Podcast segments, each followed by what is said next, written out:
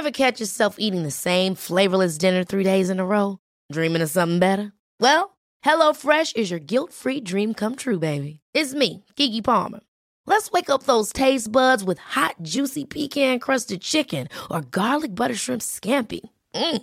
Hello Fresh. Stop dreaming of all the delicious possibilities and dig in at HelloFresh.com. Let's get this dinner party started.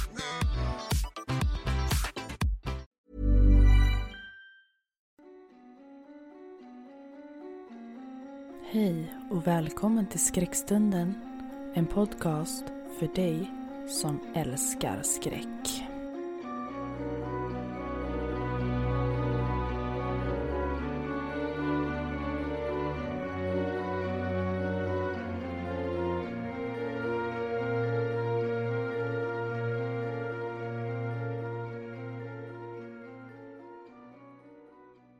Hej och välkommen tillbaka till skräckstunden.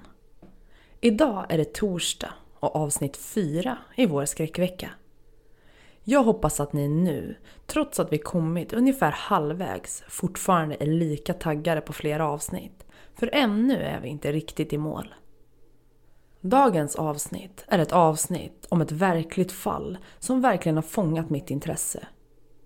Det har verkligen allt. Och som att inte seriemördare är ett spännande ämne nog enligt många av er, så har ju många dessutom en skräck för just clowner. I dagens avsnitt ska vi ta det värsta av två världar och slå ihop det. Idag ska vi prata om den seriemördande clownen. Innan vi sätter igång vill jag varna känsliga lyssnare för sekvenser och skildringar i dagens avsnitt som kan upplevas som otäcka. Detta är verkliga händelser och avsnittet kommer innehålla våldsamma och sexuella skildringar i det här fallet. Med den varningen presenterad så sätter vi igång. För er som trots allt vågar lyssna.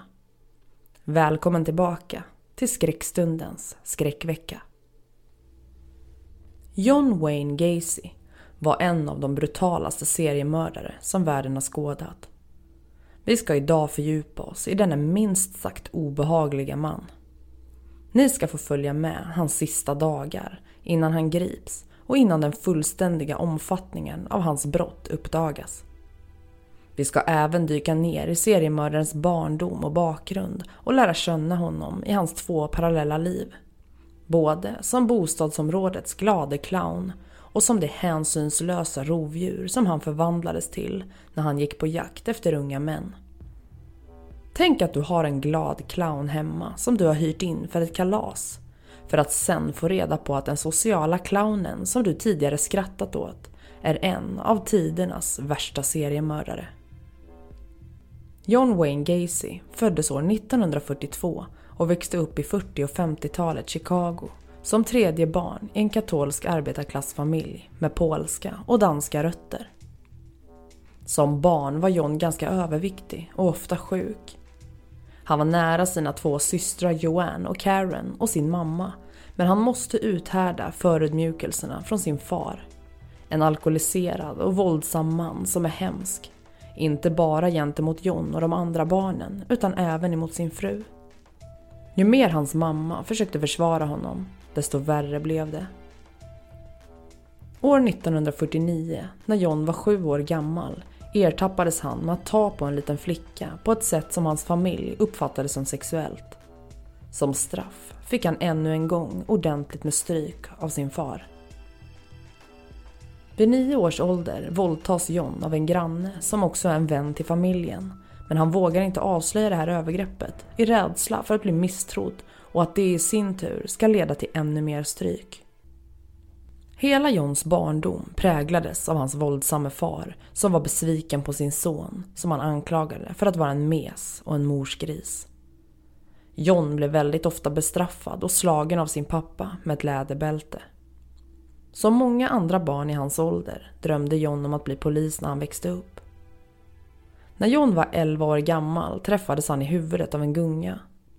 De följande åren drabbades han upprepade gånger av blackouts men först när John var 16 år uppdagades det att han efter olyckan hade fått ett antal blodproppar i hjärnan.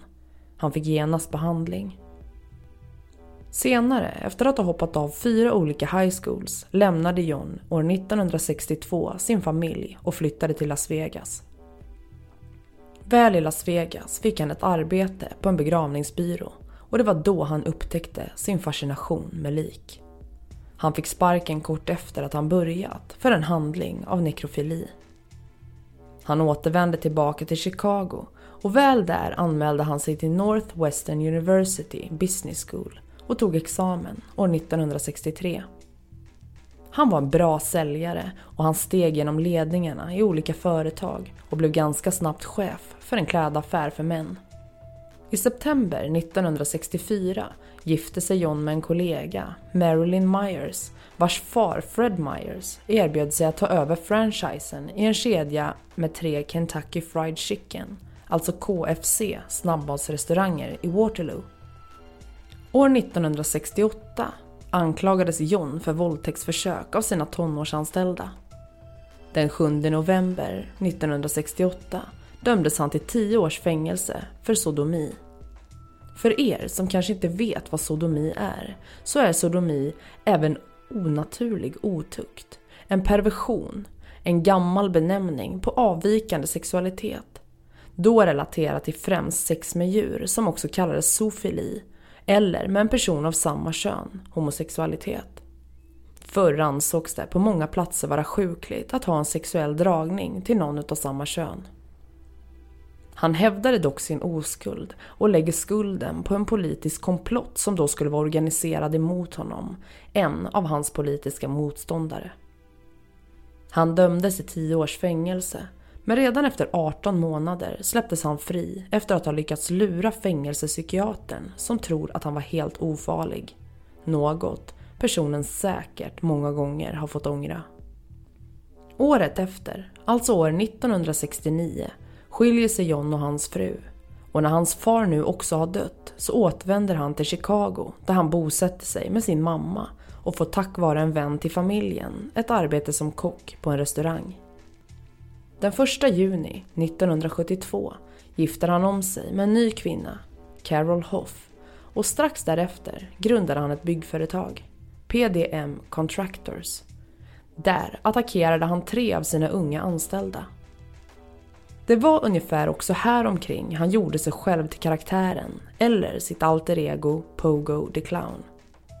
Han satte på sig en dräkt för att samla in pengar för Demokratiska partiet eller för att underhålla sjuka barn på det lokala sjukhuset. Efter att hans fru några år senare, närmare bestämt år 1976, upptäckt Johns samling med diverse tidningar med nakna män blir det skilsmässa. John avslöjar också då sin bisexualitet. Mer och mer förvirrad och upprörd blir hon dessutom efter att ha hittat tonårskläder i deras hus. Vi ska gå tillbaka lite i tiden och vi kommer att hoppa lite i tid. Men jag ska försöka göra det här så tydligt som möjligt. Men det finns väldigt mycket saker som den här mannen har gjort och allting har kommit fram i omgångar under tidens gång. Men ni får helt enkelt försöka att hänga med. Nu vet ni i alla fall grunden i hans barndom och uppväxt och nu ska vi gå vidare och prata om vad det är den här mannen faktiskt är riktigt känd, eller kanske ökänd för. Jag vill ännu en gång varna för starka och våldsamma skildringar. Vi går vidare. John begick sitt första mord den 1 januari år 1972 och börjar rekrytera sina viktigaste offer från sitt följe genom att erbjuda udda jobb till ungdomar i hans grannskap. De flesta av hans offer hör också till hans anställda. Johns tillvägagångssätt är främst att handboja, tortera och våldta dem innan de senare bara kastas bort. Han torterar sina offer på flera sätt. Som att använda flammande pokerkort, droppa smält ljusvax över deras kroppar upprepade gånger dränka dem i badkaret. Som ett tecken på dominans urinerar han även på sina offer.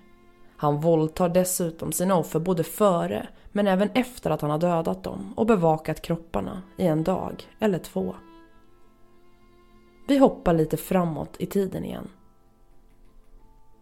Gatorna i Chicagos Northwest Side ligger öde när den 19-årige Robert Donnelly börjar gå hemåt efter att ha varit hos en kompis. Det är strax efter midnatt den 30 december år 1977. På trottoaren fångas Robert plötsligt i strålkastarljuset från ett par billyktor. En mörk bil kör in till kanten och en barsk röst kräver att få se legitimation. I bilen sitter en man med svart skinnjacka. Robert förmodar att mannen är en civilklädd polis och räcker fram sitt ID-kort. I samma sekund får han en pistol rakt i ansiktet och beordras att kliva in i bilen. Vad är det frågan om? Undrar Robert förvirrat. Håll käften. Om du har något vett i skallen håller du tyst, säger mannen hotfullt. Robert försöker protestera men får order om att tiga. Mannen vid ratten är en lång, något överviktig man i 35-årsåldern. Han heter John Wayne Gacy. Den här natten, som så många andra, har han kört runt på Chicagos gator i jakt på unga män. Han utger sig för att vara polis, men han är en av de värsta seriemördarna i USAs historia. John kör hem under tystnad och väl framme tvingar han med sig Robert in i huset. Han sätter handbojor på honom, knuffar omkull honom på golvet och våldtar honom. Det gör så ont att Robert skriker och svimmar. Efter våldtäkten släpar John med sig sitt offer in i badrummet och håller hans huvud under vatten i badkaret. Robert är övertygad om att mannen tänker dränka honom och försöker hålla andan, men till sist förlorar han medvetandet. När Robert kvicknar till trycker John ner huvudet under ytan igen tills han svimmar på nytt. Och detta upprepas flera gånger. Till sist tröttnar John på leken och nu vill han spela rysk roulette. Till sin fasa ser Robert hur John tar fram en revolver, lägger en patron i en av de sex kamrarna och snurrar på magasinet. John riktar vapnet mot huvudet på Robert och trycker av. Klick. Visst har vi skoj, säger John och trycker på avtryckaren igen. Klick. Fyra gånger klickar vapnet. Under tiden berättar John att han har dödat ett par flickor men att det är mer intressant att döda pojkar. Sen trycker han på avtryckaren igen och skottet går av. Långsamt inser Robert att han inte är död. John har använt lös ammunition. Till slut är John nöjd. Han kör Robert tillbaka in till staden. Om du går till polisen kommer jag att leta upp dig och de kommer inte att tro dig, blir hans avskedsord. Robert Donnelly går ändå till polisen och ett par polismän söker upp John i hans hem. Den misstänkta berättar att det har varit en liten sexlek men han nekar blankt till att ha använt en revolver eller någon annan form av tvång. Och Robert har varit med på noterna. När poliserna senare avlägger rapporten kastar en biträdande åklagare ett öga på den och beslutar att det inte finns grund för åtal. Och John fick rätt. De kommer ändå aldrig att tro dig. Den 12 december år 1978. Chefen för stationens kriminalavdelning går igenom nattens olika fall.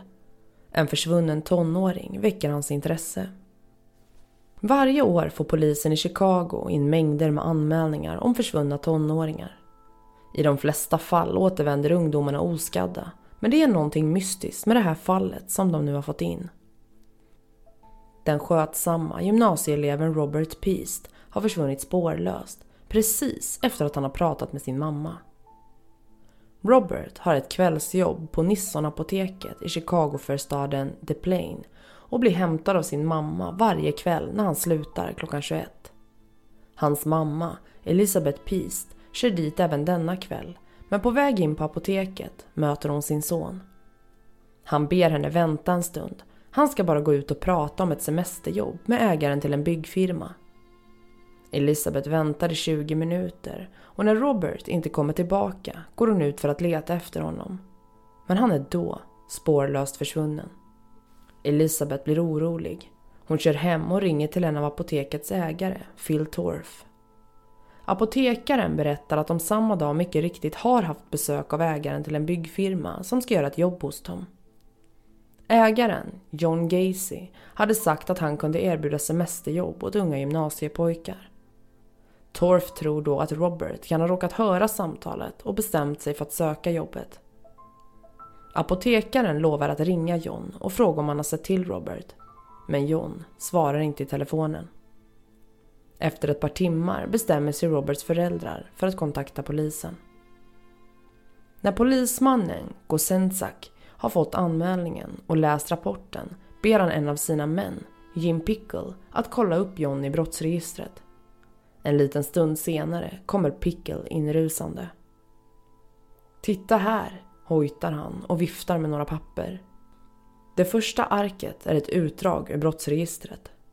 Det visar att John år 1968 har blivit dömd till 10 års fängelse för sodomi. Han frigavs dock efter bara drygt två år. Sodomi är ett stort och brett begrepp och ur brottsregistret går det därför inte att utläsa exakt vad John hade gjort. För att få veta mer måste Chicagopolisen kontakta de kollegor i Iowa som arbetade med fallet. De lyckas inte förrän nästa dag. Det visar sig att John dömts för att försökt tvinga en 15-årig pojke till samlag och andra former av sexuella handlingar. De övriga dokumenten handlar om ett gripande i Illinois. År 1972 anhölls John för att ha tvingat in en ung man i sin bil och försett honom med handbojor, misshandlat honom och försökt tvinga honom till oralsex. När offret lyckades fly ut på gatan körde John på honom med sin bil och John kom undan. Åklagarmyndigheten hade för tung arbetsbörda och valde därför att inte väcka åtal. Polismannen är nu övertygad om att John har någonting med Roberts försvinnande att göra. Helt enligt rutinerna kontaktar han därför en åklagare och frågar om han får anhålla John. Åklagarens råd är då att han i första skedet inte ska göra det utan istället ska behandla John som ett vittne. Polisen har förgäves sökt John i hans hem under dagen. Utredaren och hans tre män gör ett nytt försök framåt kvällen. Det är mörkt och bitande kallt när poliserna knackar på ytterdörren till Johns röda tegelvilla. Ingen öppnar. Men de hinner få en snabb skymt av ett ansikte i fönstret. De knackar igen och i samma sekund svänger en bil in på uppfarten.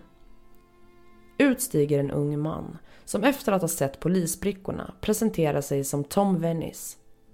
Han är en av Johns anställda och säger genast att hans chef aldrig öppnar dörren på framsidan så de får gå till köksdörren. När två av polismännen går runt huset tittar de in och ser John sitta i en stol framför tvn med fötterna på bordet. Han öppnar köksdörren när poliserna bankar på. Innan utredaren som har hand om fallet hinner presentera sig säger John. Jag hörde er vid stora dörren men jag råkade vara på toaletten. Gosensak hajar till. Märklig inledning. Han förklarar att de är poliser och kommer för att prata om en försvunnen pojke och John ber dem stiga in. Medan utredare Kosensak ställer frågor studerar han den misstänkte som är smutsig och ovårdad. Han ser ut att ha sovit i kläderna som han har på sig. John bekräftar att han har varit på apoteket och åkt därifrån omkring klockan 20.45 men säger sig inte ha pratat med den försvunne pojken. Kosensak ber honom följa med till stationen för att skriva under ett vittnesmål, men John vägrar. Han säger att han väntar på ett telefonsamtal från sin mamma angående begravningen av hans morbror som nyligen har dött. Du kan ju ringa din mor nu. Vi väntar, säger Kosensak. Men efter samtalet har John ändrat sig. Jag kan inte åka nu. Jag har viktiga saker att göra. Hur lång tid tar det då? En timme? Frågar Kosensak. Jag vet inte. Jag ska försöka hinna inom en timme, lovar John. Då väntar jag på dig på stationen, säger Kosensak. Under hela samtalet befinner sig utredningsledaren bara några meter ifrån den försvunne pojken. Robert Peast ligger nämligen i Johns säng i rummet precis intill. Kosensak kör tillbaka till stationen och han ber två av sina män att stanna kvar utanför Johns hus för att se vad han tänker göra. De båda poliserna behöver inte vänta länge utanför Johns hus. Men de blir totalt överrumplade när Venice och John kommer susande ut från tomten i varsin bil och kör iväg. Männen har redan ett stort försprång när poliserna tar upp jakten. Inom bara 20 sekunder har de tappat bort John och tvingas inse att han har lurat dem. Skamsna skickar de ett radiomeddelande till Kosensak som iskallt beordrar dem tillbaka till stationen.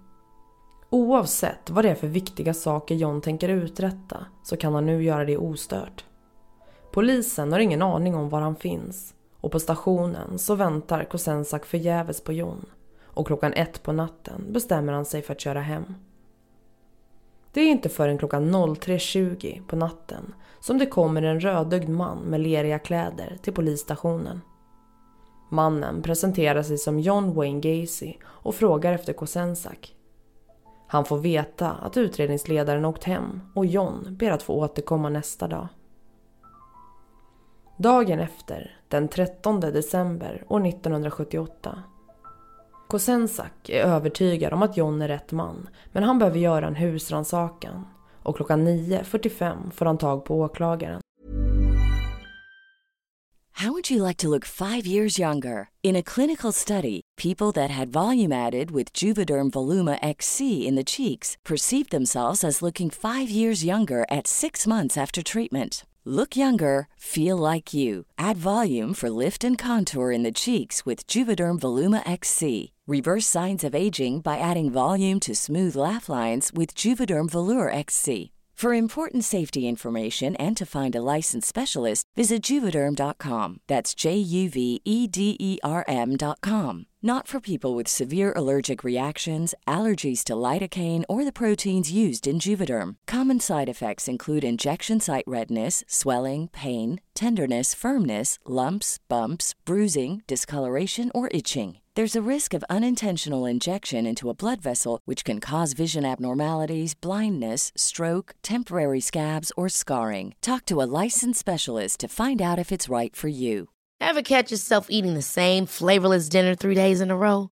Dreaming of something better? Well, HelloFresh is your guilt free dream come true, baby. It's me, Gigi Palmer. Let's wake up those taste buds with hot, juicy pecan crusted chicken or garlic butter shrimp scampi. Mm. Hello Fresh. Stop dreaming of all the delicious possibilities and dig in at HelloFresh.com. Let's get this dinner party started.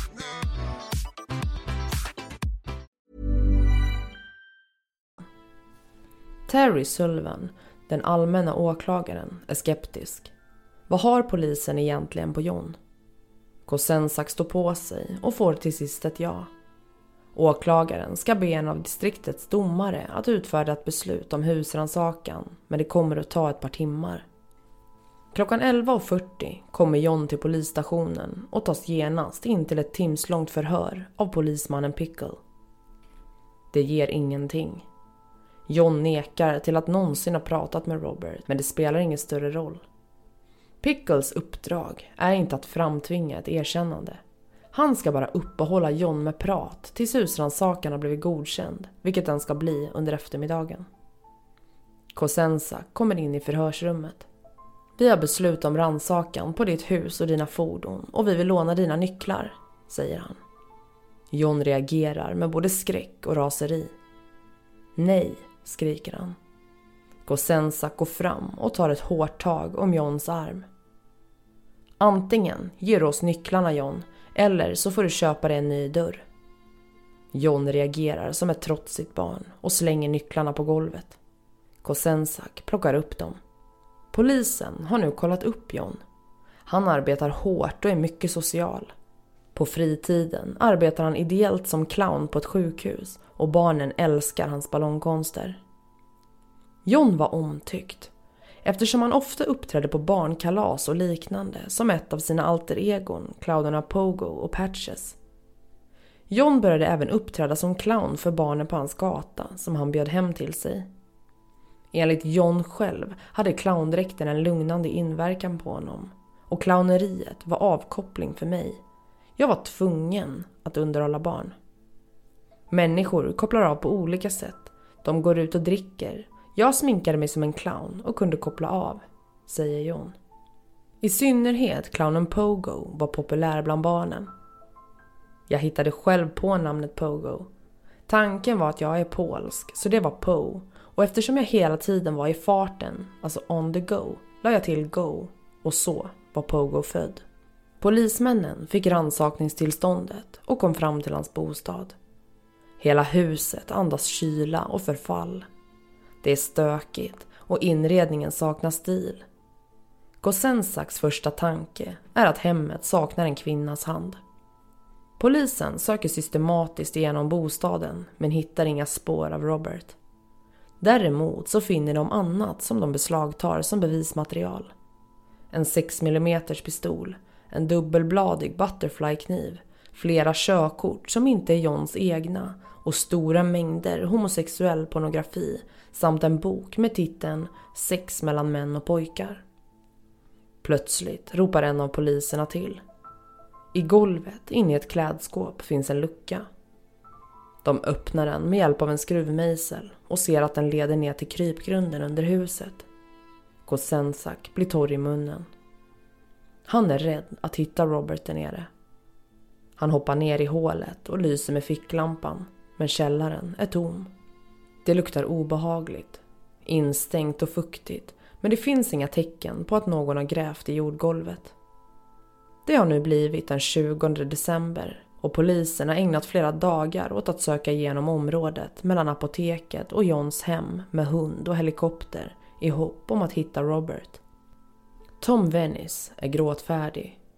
Som upptakt till ett lögndetektortest har Kosensak skrämt upp den unge mannen ordentligt.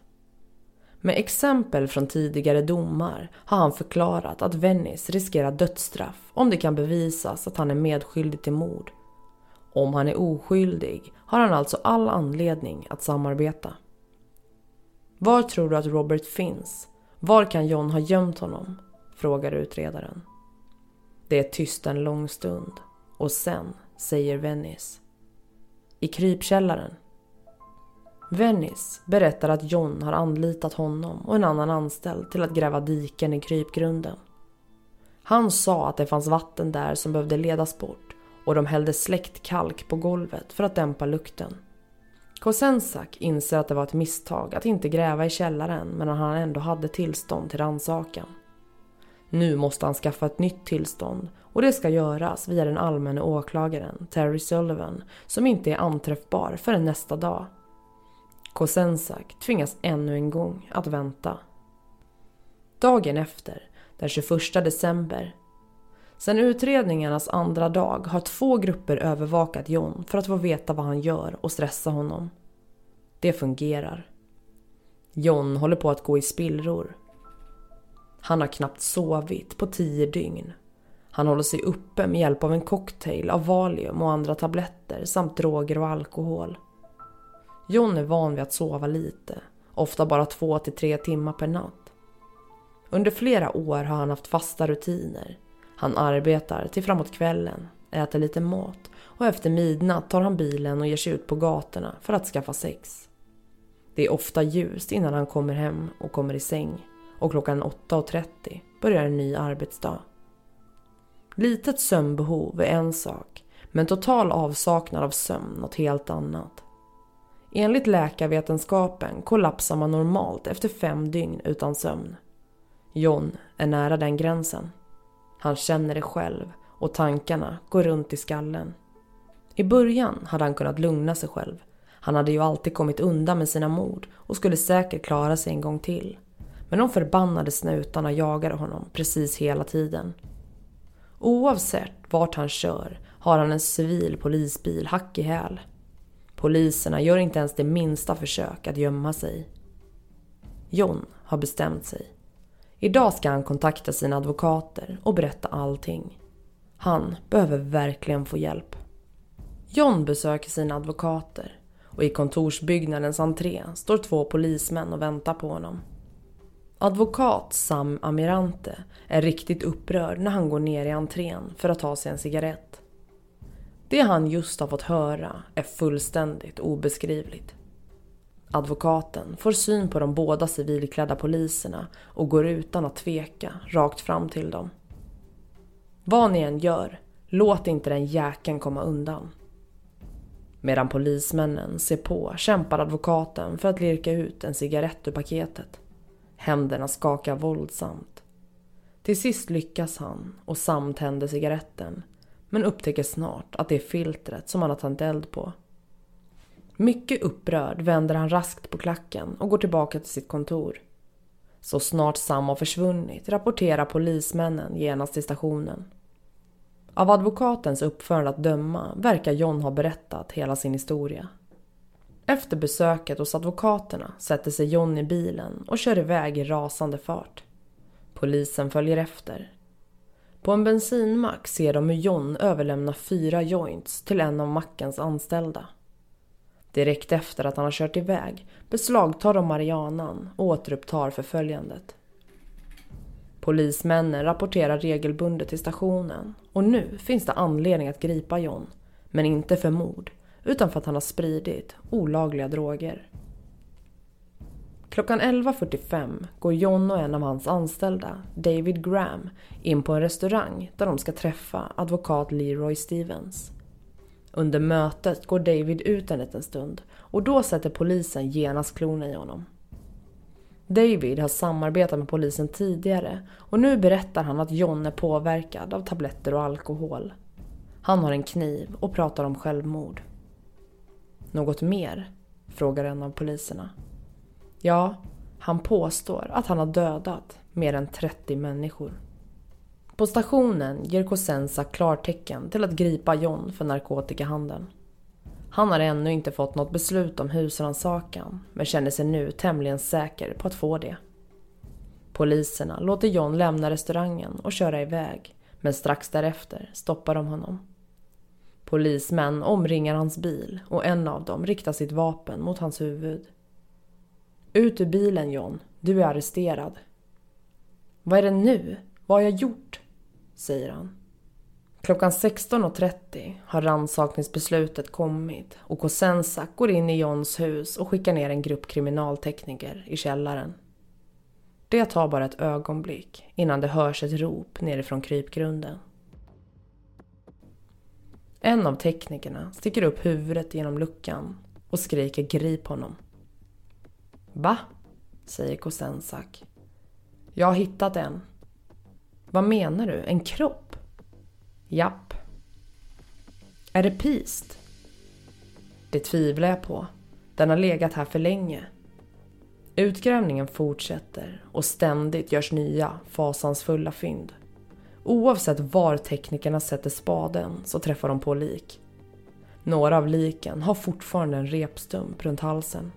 Rapporterna om fynden har nu nått stationen och flera polismän börjar förhöra John. Okej din skitstövel, spelet är slut. Vi har hittat kroppar i ditt hus, säger kriminalkommissarien David Hashmeister. John svarar inte. Han tiger en lång stund, men börjar sen prata. Han säger att han visste att det måste få ett slut och det har han insett efter mötet med sina advokater.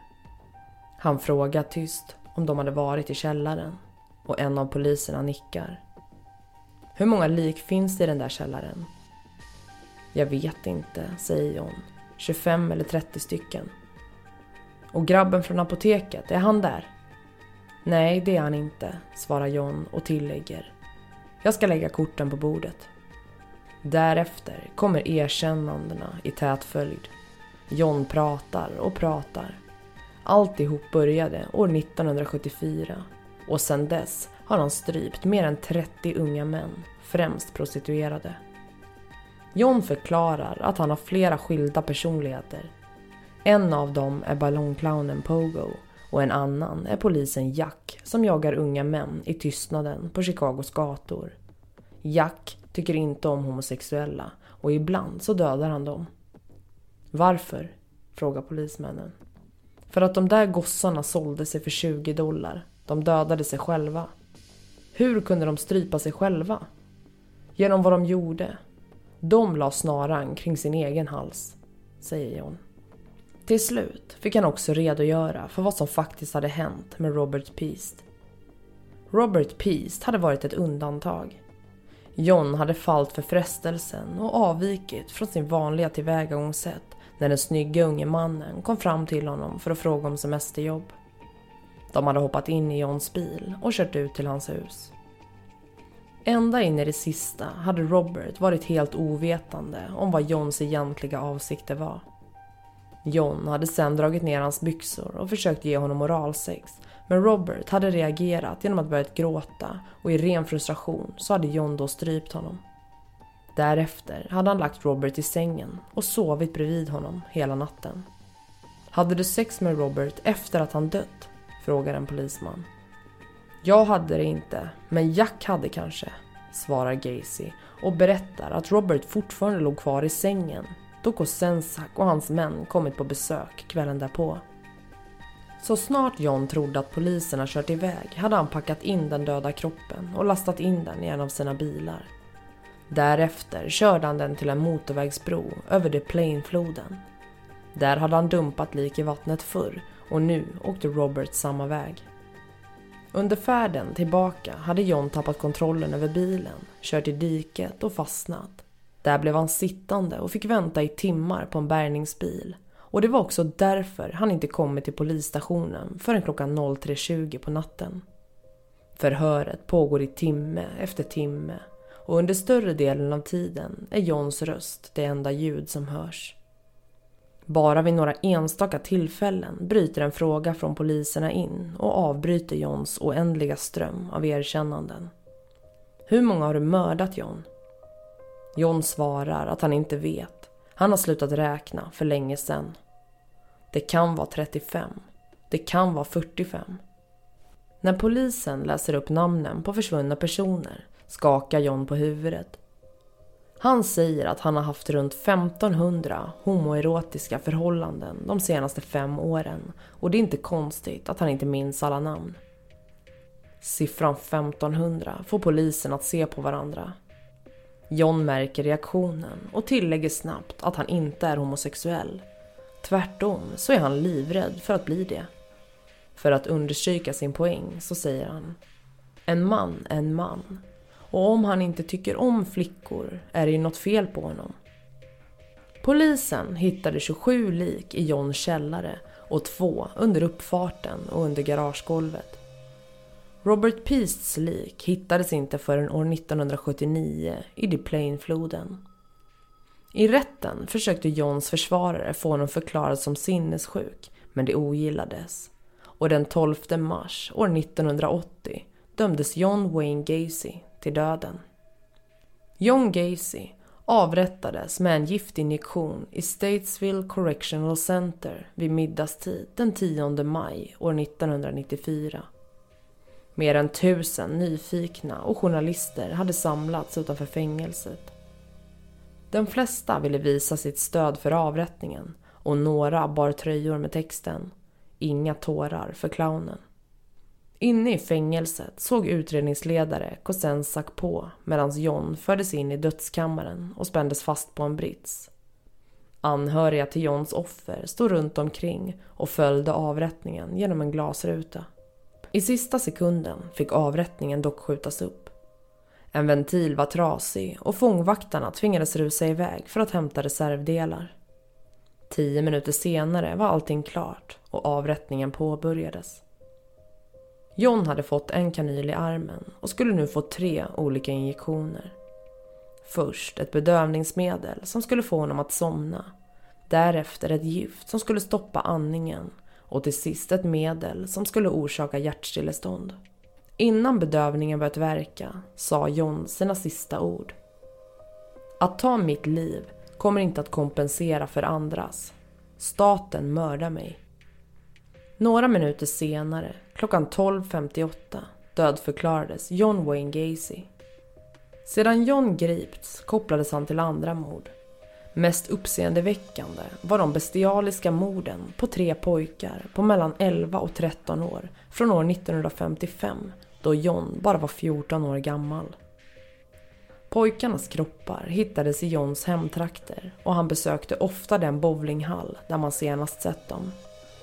Dessutom var liken misshandlade med maskinverktyg som John hade tillgång till. Många seriemördare begår sina första mord i tonåren. Men det kommer troligen aldrig att klarläggas om John verkligen har dödat de tre pojkarna. När sanningen om Johns mord kom fram förändrades bilden av honom som den snälle kvartersclownen till bilden av en mördarclown. Johns identifikation med sin clownpersonlighet var fullkomlig. På frågan om han ångrade sina mord svarade han senare. Jag känner ingen ånger. Clowner kommer undan med vad som helst. Clowner kommer undan med mord och jag njuter av den makten. Medan John satt i fängelse målade han flera självporträtt där han framställs som både Pogo och Patches. Medan John 1982 satt i sin dödscell i fängelset i Illinois fick han tillåtelse att måla. Fram till sin död 1994 målade John som besatt mer än 2000 målningar. Trots målningarnas låga kvalitet var efterfrågan stor på John Wayne Gacy Art som till och med såldes på fina och välansedda gallerier. Johns konst omfattade, förutom en lång rad porträtt av honom själv iförd clowndräkt, även målningar av människokranier. Efterfrågan på Johns konst har under årens lopp varit stor. Den dyraste av hans målningar, ett självporträtt i clowndräkt med klor, såldes för omkring 20 000 dollar. På senare år har motståndet mot Johns konst ökat och år 2011 stoppades dock en utställning efter omfattande protester och hot om stämning från National Center for Victims of Crime. Have catch yourself eating the same flavorless dinner three days in a row? Dreaming of something better? Well, hello fresh is your guilt free dream come true baby. It's me, Gigi Palmer. Let's wake up those taste buds with hot juicy pecan crusted chicken or garlic butter shrimp scampi. Mm. Hello Fresh. Stop dreaming of all the delicious possibilities and dig in at HelloFresh.com. Let's get this dinner party started.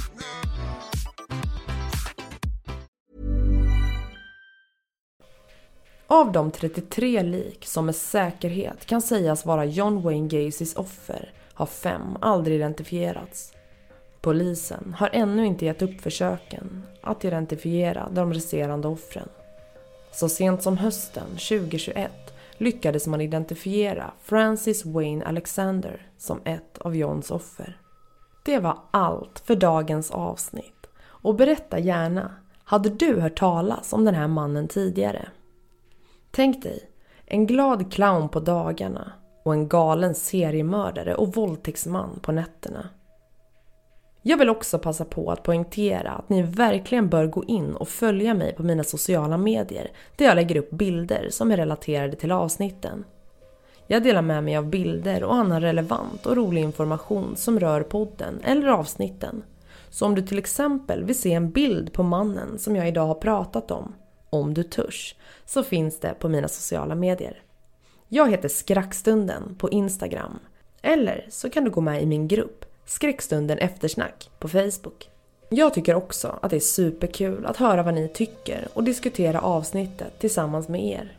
Så gå in på mina sociala medier och följ mig där om ni inte redan gör det. Tack för att du har lyssnat och vi hörs redan imorgon igen. I dina lurar. Du har lyssnat på Skräckstunden. En podcast som får ditt blod att frysa till is. Ha en fin vecka så hörs vi snart igen.